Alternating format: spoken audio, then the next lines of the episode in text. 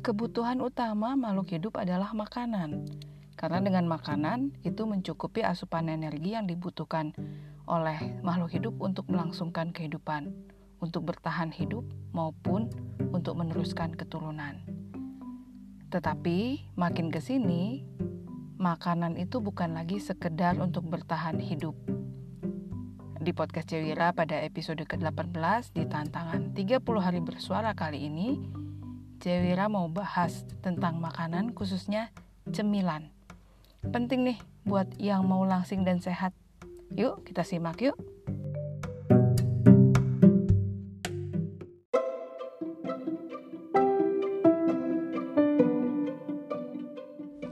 Sebelumnya, Cewira mau ngaku dulu nih, mau info kalau sebelum ini sedang mengikuti Quantum Slimming, workshop Quantum Slimming yang dibuat oleh Christine Liu Nona muda ini sangat peduli dengan kesehatan tubuh dan sangat peduli dengan teman-temannya.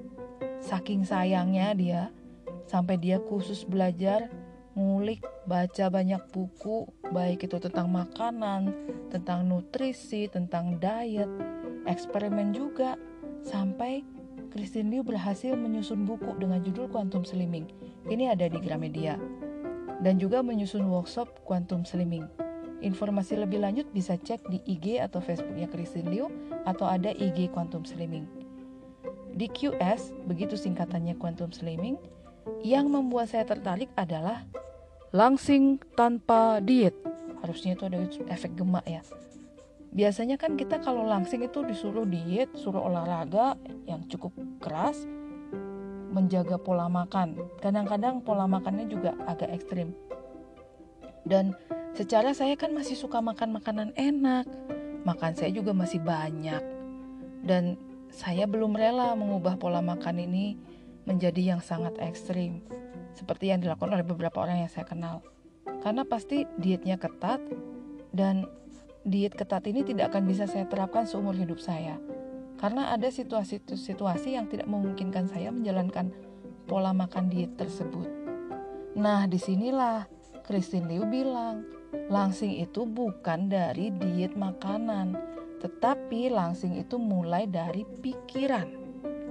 Jadi, dalam program Quantum Slimming ini bukan makanan kita, diet kita untuk tidak boleh makan tertentu yang diotak-atik, tetapi program pikiran yang membuat berat badan tidak bisa turun atau program pikiran yang membuat berat badan tidak bisa bertambah karena ada juga loh yang susah menaikkan berat badannya jadi langsing itu sebenarnya sangat personal karena setiap orang kan bentuk tubuhnya berbeda, komposisi tubuhnya berbeda. Dan mereka pun mempunyai kriteria langsing yang berbeda. Kemudian untuk lebih detailnya lagi bahkan komposisi hormonalnya juga berbeda sehingga pada akhirnya kalau mau menerapkan diet makanan itu pun sangat personal. Dan tiap orang akan mengalami efek yang berbeda karena disesuaikan dengan kebutuhan tubuhnya. Ya saya nggak akan membahas tentang masalah diet makanan dan nutrisi ini. Mendingan lihat di IG-nya di IG Quantum Slimming itu ada IGTV juga bisa nonton. Sangat detail. Atau kalau misalnya ada rezeki ikut Quantum Slimming Workshop di sini saya mau bahas tentang cemilan karena saya akan suka ngemil cemilan itu kan sebenarnya makanan tambahan, makanan yang dimakan di sela-sela jam makan. Karena biasanya tubuh kita setelah 3 jam mulai lapar nih. Nah ini nih, ketika mulai lapar tetapi belum waktunya jam makan utama. Jadi pengennya ngemil. Kalau sehatnya sih ngemil buah atau sayur ya, sayurnya segar gitu kan ada tuh. Yang alami yang mudah dicerna tubuh. Tapi sering kali kita, gak usah ngomong kita deh, saya Seringkali saya lebih tertarik ngemil yang lain, ngemil yang sebenarnya bukan makanan sehat, tapi enak banget. Dan ketika ikut workshop Quantum Slimming, saya dikasih tantangan, kenali cemilan favorit. Terus ketika ingin makan, usahakan untuk tidak makan dan perhatikan emosi apa yang muncul. Dan saya coba dong. Saya kan suka beberapa jenis makanan nih. Kemudian saya paling suka juga keripik. Keripik kentang yang asin dan kriuk itu enak banget. Saya punya merek tertentu yang jadi favorit saya. Dan ketika keinginan makan keripik kentang asin dan kriuk ini begitu kuat saya alihkan dengan minum air makan apel. Itu ya perasaan bosan yang luar biasa. Kemudian juga saya merasa bingung mau ngapain. Ternyata cemilan yang kriuk dan asin itu kita inginkan ketika muncul emosi bosan dan jenuh. Si pikiran memunculkan keinginan untuk makan makanan yang asin dan crispy kriuk-kriuk gitu. Oke, masuk akal. Terus saya juga punya kebiasaan kalau habis makan mesti ditutup dengan makanan yang manis. Entah itu kue atau permen atau minuman yang mengandung gula. Dan ini juga saya coba ketika selesai makan udah minum air udah. Saya nggak ngemil yang manis. Di situ saya merasa sedih loh. Tanpa sebab muncul perasaan sedih itu. Kayaknya juga ada bagian diri saya yang protes. Dia bilang hiburan kamu itu ya makanan manis. Kalau kamu nggak makan itu gimana kalau kamu lagi sedih? Nah loh. Nah, ternyata emosi dibalik keinginan kuat untuk makan makanan manis atau cemilan manis itu adalah emosi tidak nyaman.